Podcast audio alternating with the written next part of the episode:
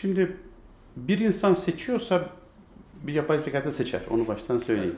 Yani bir insan seçebiliyorsa ya da bir insanın en herhangi bir iş için en layığını seçtiğini kabulleniyorsa zaten yapay zekanın da e, yapabileceğini kabullenmek zorundayız.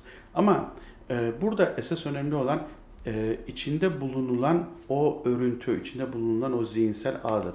E, ne zaman ki ne zaman ki e, herhangi bir seçimi e, tek bir kişi, tek bir nokta, tek bir yapay zeka, tek bir makine, tek bir insan yapmaz.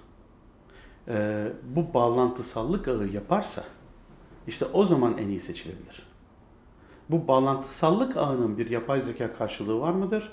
Evet, daha zor bir şey ama muhtemelen olabilir. E, çünkü bağlantısallık denilen e, bu yapı bir bilinç oluşturur. Yani liyakati belirleyen bilinçtir.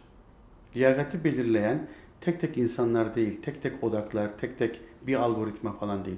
Bu örüntü, bu ilişkiler ağı, bağlantısallık matematiği, e, bu beraberinde bilinç oluşturur. E, ya da vicdan oluşturur diyeyim. E, bu bağlantısallık bütünlüğünün oluşturduğu ve bu karar, bu karar e, esas meritokrasiyi oluşturan bir karardır. Bir kişi eğer bu bağlantısallık bütünlüğünün yerine karar vermeye başlarsa zaten bunda da demokrasi olmaz. Ee, ve e, o zaman da meritokrasinin bu sistem içerisinde yeri olmaz. Dolayısıyla tek bir yapay zeka algoritması e, meritokrasi konusunda karar verdiği zaman o zaman bu diktatörlük haklarının tek bir yapay zekaya verilmesi anlamına gelebilir. E, o da tehlikeli bir şey.